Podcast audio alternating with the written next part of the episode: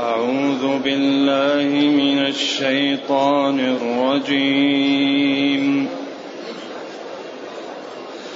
وأوحي إلى نوح أنه لن يؤمن من قومك لن يؤمن من قومك إلا من قد آمن. فلا تبتئس بما كانوا يفعلون. واصنع الفلك بأعيننا ووحينا ولا تخاطبني في الذين ظلموا ولا تخاطبني في الذين ظلموا. إنهم إنهم مغرقون. ويصنع الفلك وكلما مر عليه ملأ من قومه سخروا منه. قال إن تسخروا منا فإنا نسخر منكم. فإنا نسخر منكم كما تسخرون فسوف تعلمون من يأتيه عذاب يخزيه من يأتيه عذاب يخزيه ويحل عليه عذاب مقيم حتى إذا جاء أمرنا وفارت النور وفارت النور قل نحمل فيها من كل زوجين.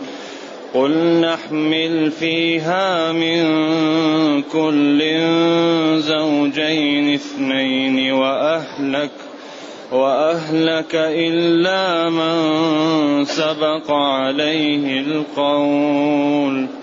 ومن آمن وما آمن معه إلا قليل.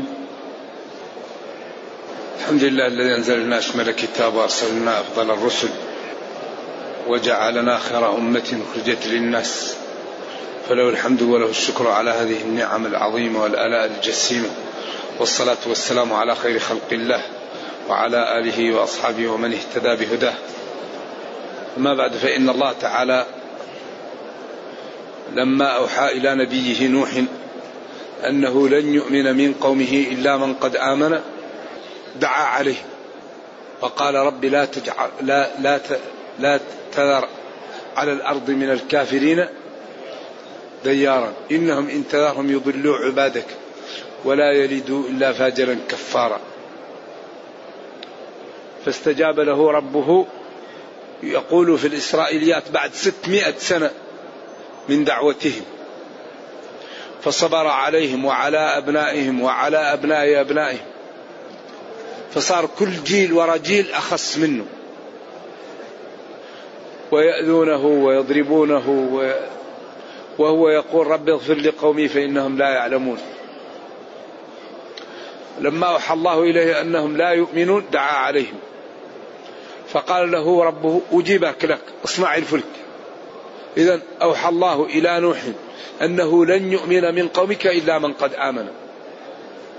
فلا تبتئس تحزن و وتنغم وتستكن يعني كل أسباب الألم الذي يسبب الاستكانة وعدم الحراك بسبب ما كانوا يعملون. بعدين الله أوحى إليه قال له واصنع الفلك. اصنع اعمل الفلك السفن السفينة.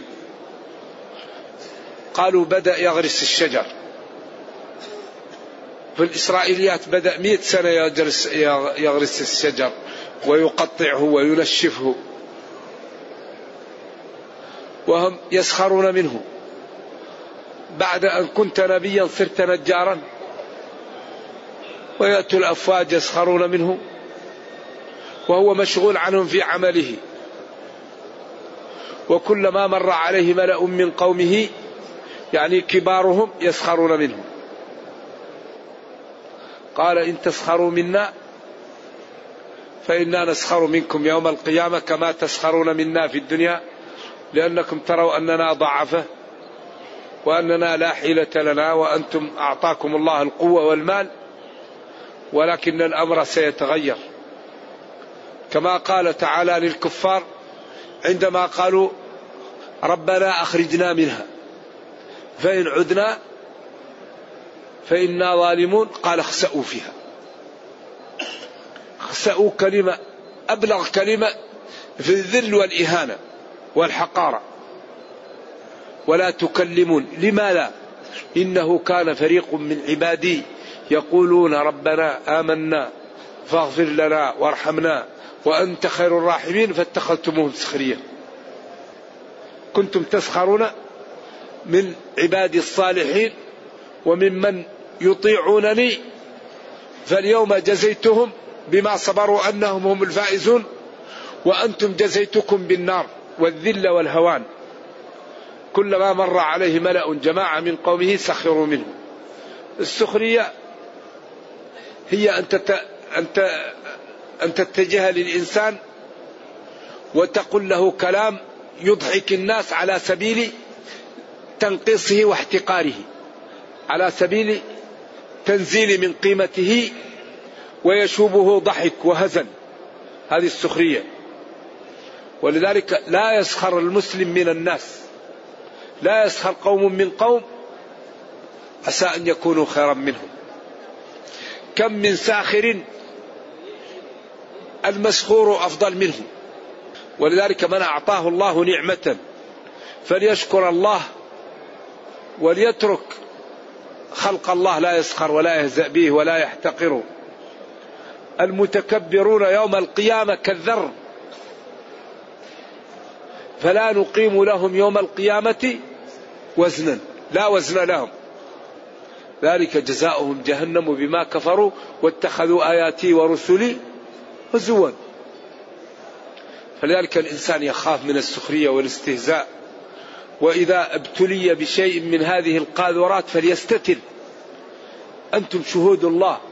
فمن شهد له الناس بالخير وجبت له الجنة ومن شهدت له بالشر وجبت له النار. فالإنسان إذا ابتلي لا يظهر لا يظهر المعاصي ولا يظهر الفسوق. إذا ابتلي بشيء من هذه الأمور فليستتر.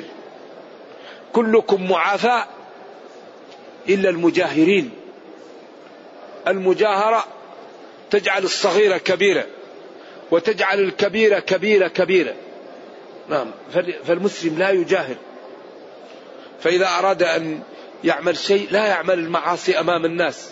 يبتعد عن المعاصي وأن ابتلي بشيء منها فليستره ولا يحدث الناس. أعظم المسلمين عياذا بالله. جرم من يعمل المعصية ويستره الله ويفضح نفسه في النهار. هذا ذنب عظيم.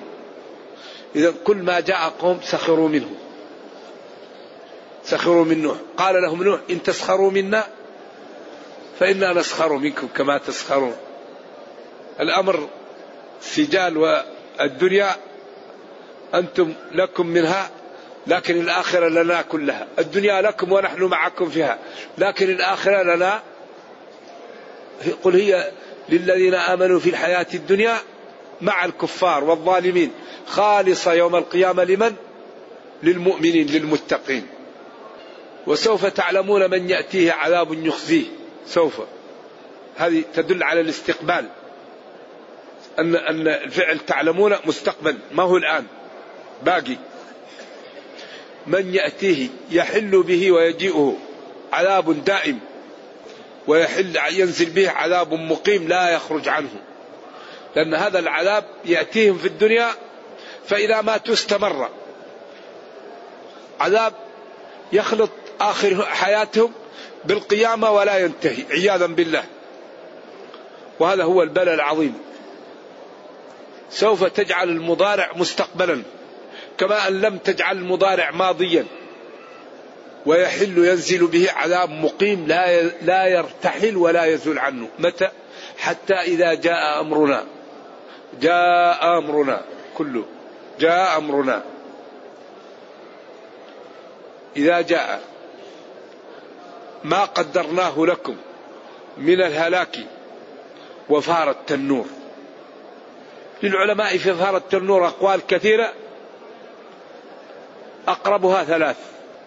التنور هو بمثابة حمي الوطيس أو قامت الحرب عن ساق أو نقطة الصفر.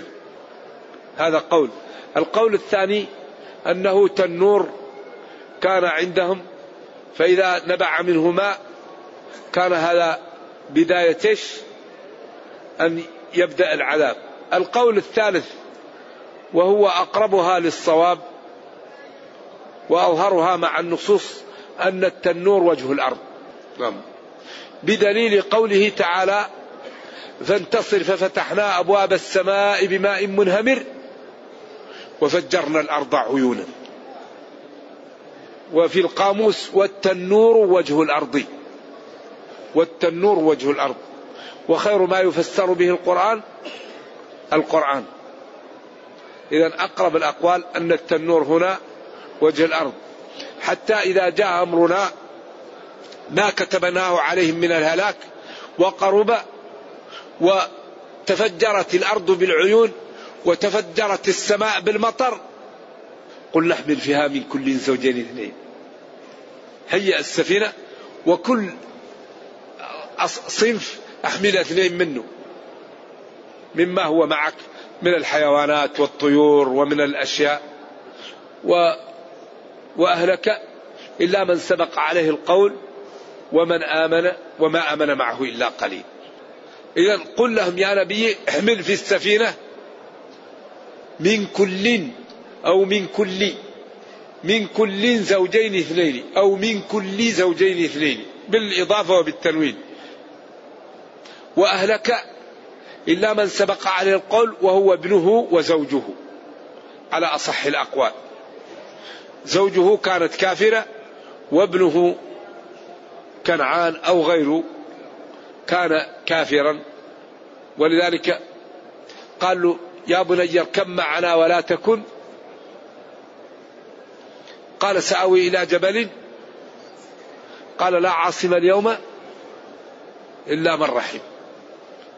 وحال بينهما الموت.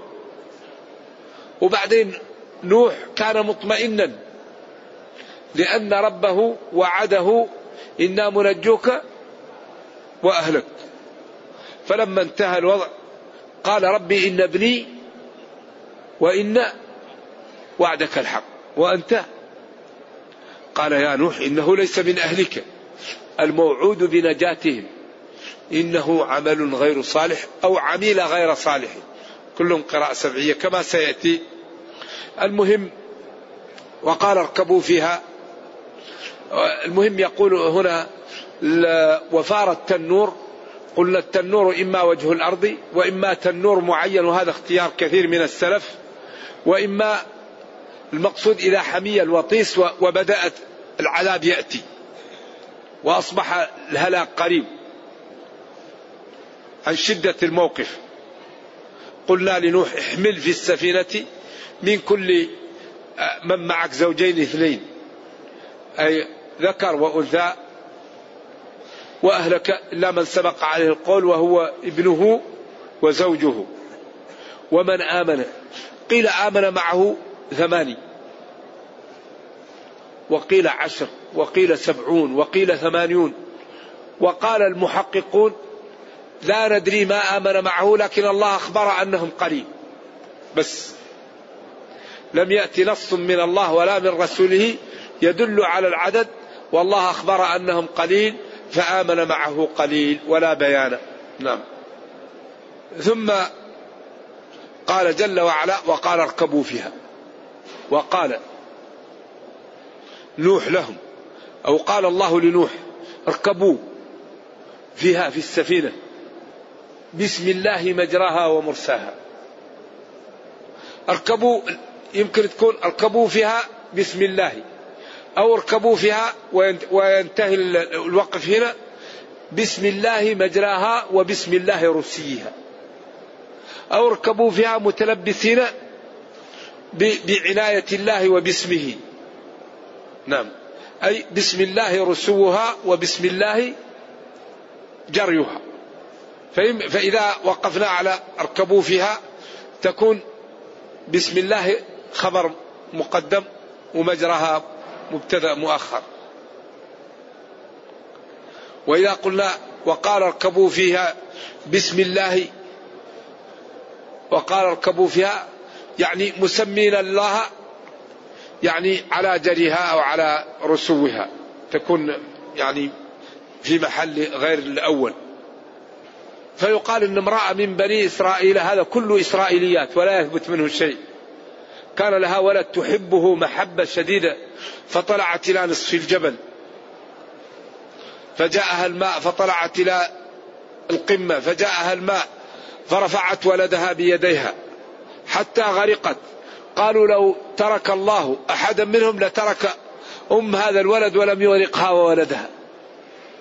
فهلكوا عن بكرة ابيهم ولم يبق منهم أحد. ونجى الله نوحا. وهي تجري بهم في موج كالجبال السفينة. نزل المطر من السماء وطلعت الأرض الماء. والتقى الماء لا ترى جبل ولا ترى شيء وإنما ترى كل الأرض ماء.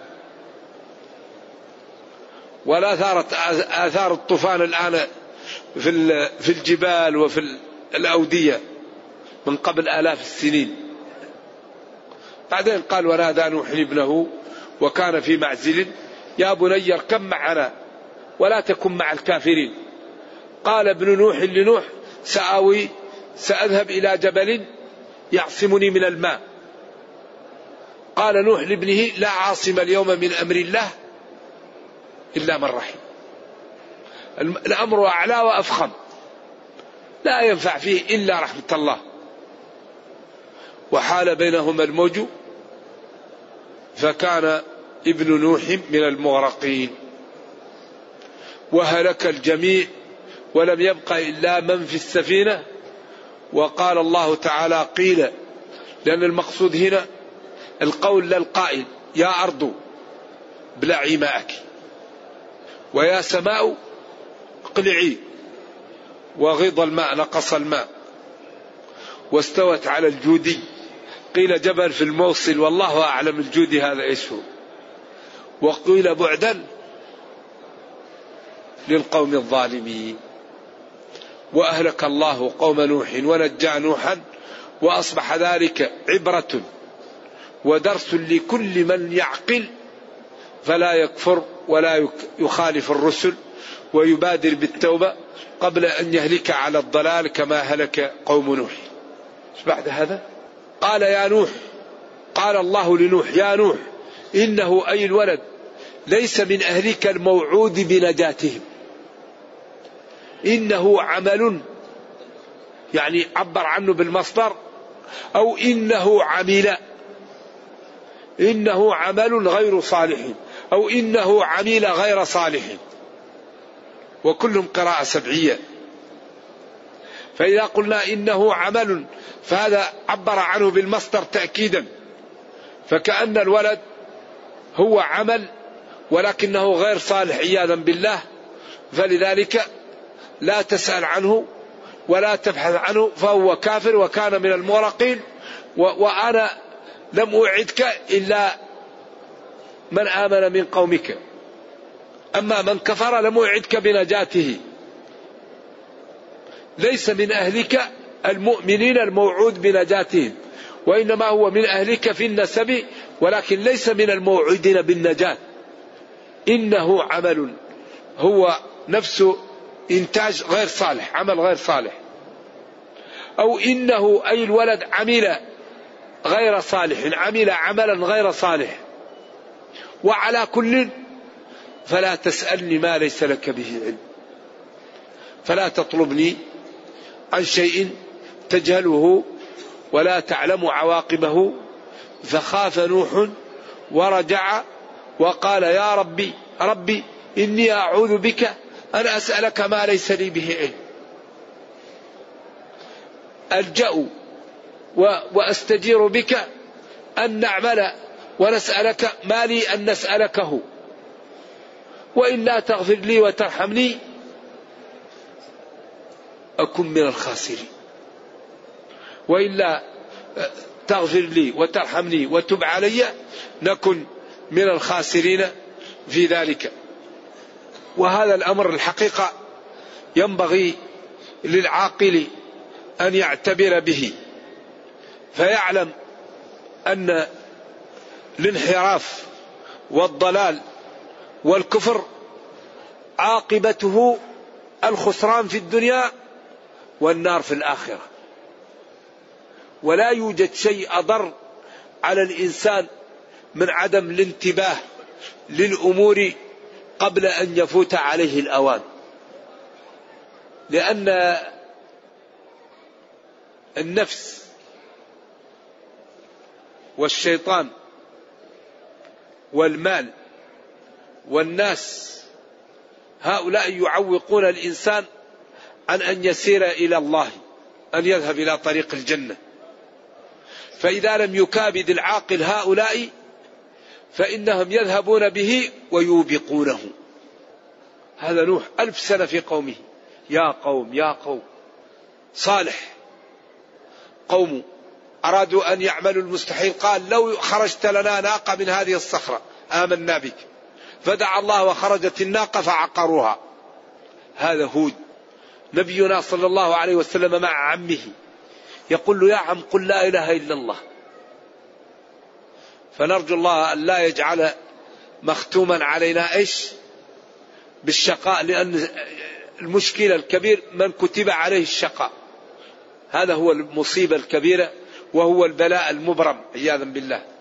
فلذلك ينبغي لنا أن نعمل بالأسباب ونسأل الله التثبيت ونعمل ولا نتكل على ما كتب في اللوح المحفوظ. لأننا لا ندري ما الذي كتب. لا يعلم ما كتب إلا الله. ولما استشكل الصحابة قضية القدر عندما نزلت آية الحديد ما أصاب من مصيبة في الأرض ولا في أنفسكم إلا في كتاب من قبل أن نبرأها. إن ذلك على الله يسير. ثم بين العلة لكي لا تأسوا على ما فاتكم. ولا تفرحوا بما آتاكم. وقالوا قال لهم جفت الأقلام وطويت الصحف. قالوا ففيما العمل؟ قال اعملوا اعملوا فكل اعملوا.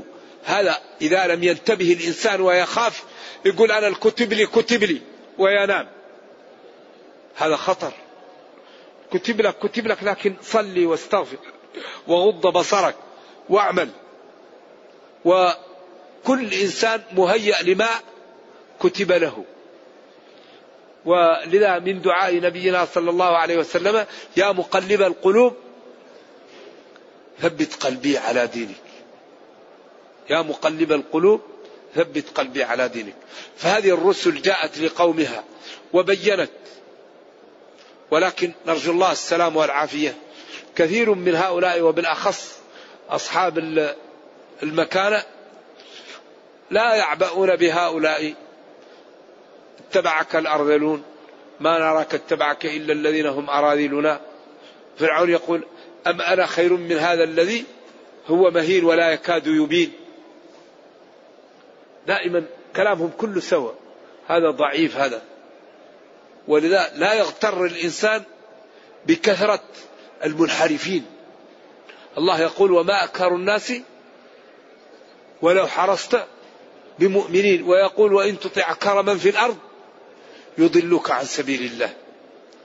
فلا بد للمسلم أن يوطن نفسه على الطاعة ويدفع ضريبة دينه.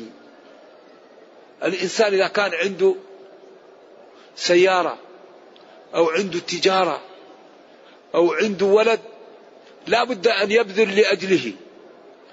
كيف نحن ما نبذل لديننا؟ لا بد أن نبذل للدين من أوقاتنا من أموالنا من جاهنا من راحتنا. لا بد أن نبذل عشان يقوى الدين. ألف لام ميم. أحسب الناس أن يتركوا أن يقولوا آمنا وهم لا يفتنون. ولقد فتنا الذين من قبلهم فلا يعلمن الله الذين صدقوا ولا يعلمن الكاذبين. أوفوا بعهدي أوفي بعهدكم. إن الله اشترى اشترى من المؤمنين ما لا أنفسهم وأموالهم بأن لهم. إذا لا بد أن نبذل. نعلم. ننصح. نزور المرضى. نساعد الأيتام.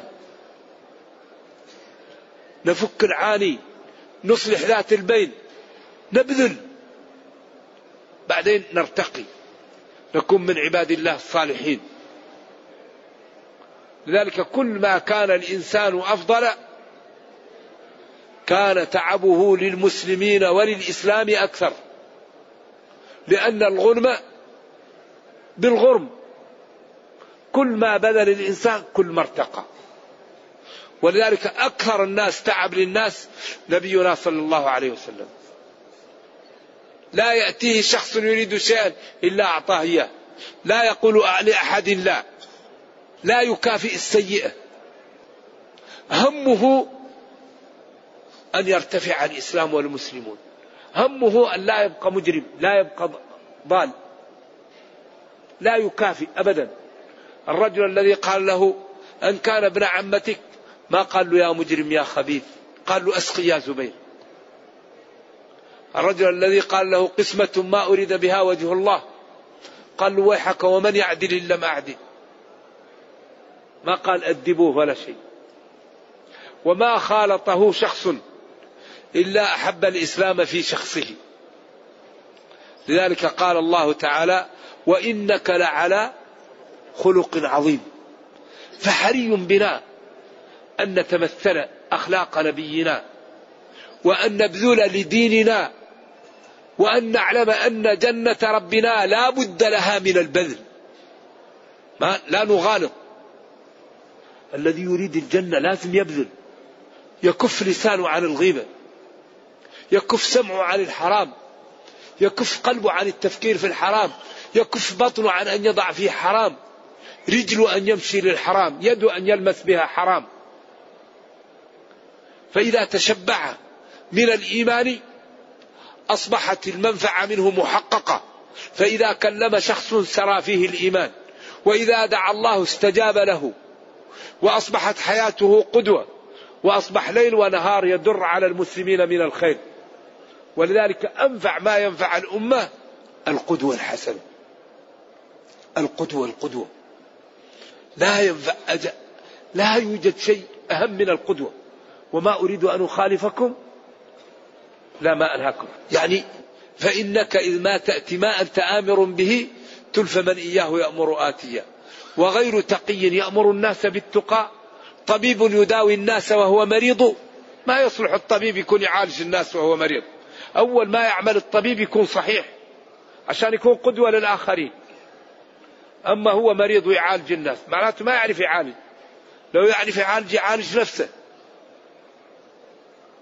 ولذلك من أخطر ما يواجه أن يكون الداعية أو الذي يتصدر للدين لا يقوم بالدين في شكله. أهم شيء أن يكون الداعية والذي يتصدر في الإسلام أن يكون مقبولا شكله للإسلام. وإلا إذا إذا كان شكله غير مقبول فهو يعلم الناس دينا مشلولا وناقصا. أهم شيء في الدين القدوة الحسنة. أيوة الذي يريد أن يعطي الدين ينبغي أن يكون قدوا في شكله وسمته وأقواله وأفعاله. ولا يكون يعني يدعو الناس لشيء وهو لا يعمله. هذا مدعاهش لعدم القبول وللنفرة. ثم إننا نحن أهم شيء نقوم به أن نكرم الناس. الطيب نكرمه لأنه طيب والبطال نكرمه لإزالة البطالة عنه. والله جعل جزء من مال المسلمين لتأليف الناس للإسلام. جزء من مال المسلمين ليكرم الناس به ليدخلوا في الإسلام. ولا يوجد شيء أحبب للناس للناس من الإكرام. ولذلك نكرم الطيب لأنه طيب والبطال نكرمه لإزالة البطالة عنه. فطالما استعبد الإنسان إحسانه. عندك جار لا يصلي. أغدق إليه بالإحسان. بعدين قل له يا فلان صلي يقول لك حاضر. أما جارك لا تزره ولا تسلم عليه ولا تصله. وتقول له تعال صلي يقول لك لا مالك ومالي. روح. كل شيء معلقة برجلها مالك ومالي أمشي. لكن إذا أكرمت وزرت وهديت له وقلت يا فلان إيش رأيك بالصلاة؟ يقول لك أبشر حاضر أمر. لأن الإحسان يلين الناس. إذا لا بد أن ننتبه من جيراننا. لا بد أن ننتبه من أبنائنا. لا بد أن ننتبه من من أقاربنا. قوا أنفسكم. هذا الدين لا بد أن نتحرك به. حتى ينفعنا الله به وينفعنا به وينفع الناس. و الحمد لله أن ديننا دين كامل. كل ما نحتاج إليه موجود فيه. هذه القصص المقصود منها نعتبر. لقد كان في قصصهم عبرة لأولي الألباب. وما كنت لديهم إذ يلقون أقلامهم. أيهم يكفل مريم؟ وما كنت لديهم إذ يختصمون؟ تلك من أنباء الغيب نوحيها إليك. ما كنت تعلمها أنت ولا قومك من قبل هذا. هذا للاعتبار وللانتباه وللمسارعة للتوبة وللجد في العمل. ولإنقاذ المسلم نفسه قبل أن يفوت الأوان. المسلم يحاول ينقذ نفسه. الرحيل الرحيل. البدار البدار. الإنسان إذا مات خلاص. ولا يدري أحدنا متى تأتيه الموت. فالواحد يبادر. إذا كان عليه ذنب يتوب. إذا كان عليه حقوق يتحلل منها. إذا كان عنده عادة سيئة يحاول يتخلص منها. ومن تاب تاب الله عليه. أما الذي يسوف ولا ينتبه هذه أمور خطيرة جدا. إذا فغرقت جماعة نوح ونجى الله نوحا ومن كان معه من المسلمين و قص لنا هذا لنعتبر ولا نسخر من الدين. ولا نسخر من الصالحين ولا نكفر بالله ونسأل الله التثبيت وأن يثبت قلوبنا على دينه ونعتبر. فاعتبروا يا أولي الأبصار. نرجو الله جل وعلا أن يرينا الحق حقا ويرزقنا اتباعه وأن يرينا الباطل باطلا ويرزقنا اجتنابه وأن لا يجعل الأمر ملتبسا علينا فنضل. اللهم ربنا أتنا في الدنيا حسنة وفي الآخرة حسنة وقنا عذاب النار. اللهم اغفر لنا ذنوبنا كلها دقها وجلها أولها وآخرها علانيتها وسرها. اللهم أجرنا من النار اللهم أجرنا من النار اللهم أجرنا من النار. اللهم إنا نسألك الجنة وما قرب إليها من قول وعمل. سبحان ربك رب العزة عما يصفون وسلام على المرسلين. والحمد لله رب العالمين والسلام عليكم ورحمة الله وبركاته. يقول أتيت في الطائرة ولم أعلم أن في الطائرة ماء ولم أستطع ولم إليهم لعدم وجود ماء أو التيمم فصليت بدون وضوء وتيمم. هذا إذا نزلت توضأ وصلي مرة أخرى. إذا نزلت الطائرة توضأ وصلي. أوقاتك على الترتيب. الأوقات إذا كانت أقل من خمسة لا بد أن تصلى على الترتيب.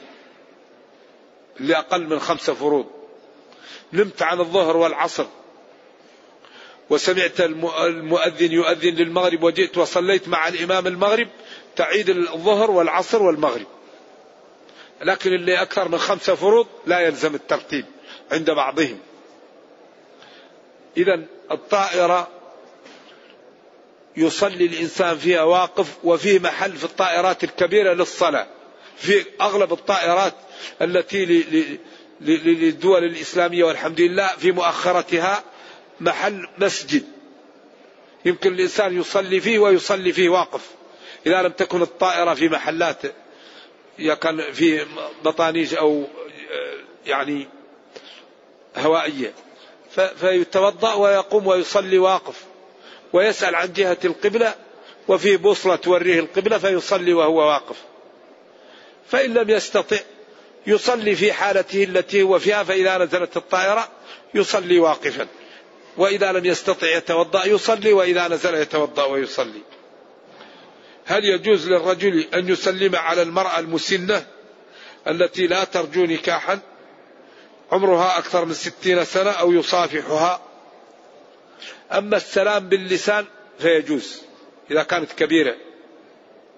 سلمت عليه أما المصافحة فلا والأولى إذا كانت غير محرمة له فلا مال وما لها لا إذا كانت له قرابة بها وهي كبيرة قد إذا سلمت عليه يرد عليها. أما يصافحها فلا لأن نبينا صلى الله عليه وسلم لا يصافح النساء. وقال الله تعالى قل للمؤمنين يغضوا فمن باب أحرى اللمس. كما قال فلا تقل لهما. فمن باب أحرى الضرب. وذاك هذا القياس في معنى الأصل. والمرأة الغير محرمة لو لم يسلم عليها الإنسان أولى ويسلم الإنسان على محارمه وغير المحارم إذا كان بينه معهم ود أو بينه معهم يعني إكرام يأتيهم بالسلام عن طريق أوليائهم ابنها أو زوجها أو أخوها. ولا يباشرها بالكلام هذا الأولى والأبعد. والدخول على النساء خطير جدا والمخالطة لهم. إياكم والدخول على النساء. قالوا أرأيت الحمو؟ قال الحمو إيش؟ الموت. قالوا الموت لأنه إما أن تقع ما لا ينبغي وهي محصنة تقتل. أو يراها زوجها وهو قريب الزوج فيتركها فتموت موتا معنويا لأن لا يبقى لها زوجها فتبقى كالميتة تحتاج إلى من يقوم عليه. قالوا هذا من من بلاغة السنة الحم الموت. وقال إياكم والدخول على النساء. لا يخلون رجل بامرأة إلا وكان الشيطان ما قال إلا أن يكون ورعا. فلذا لا يخالط المسلم إلا محارمه. والإنسان يتعفف أنكحوا الأيام منكم والصالحين من عبادكم وإمائكم.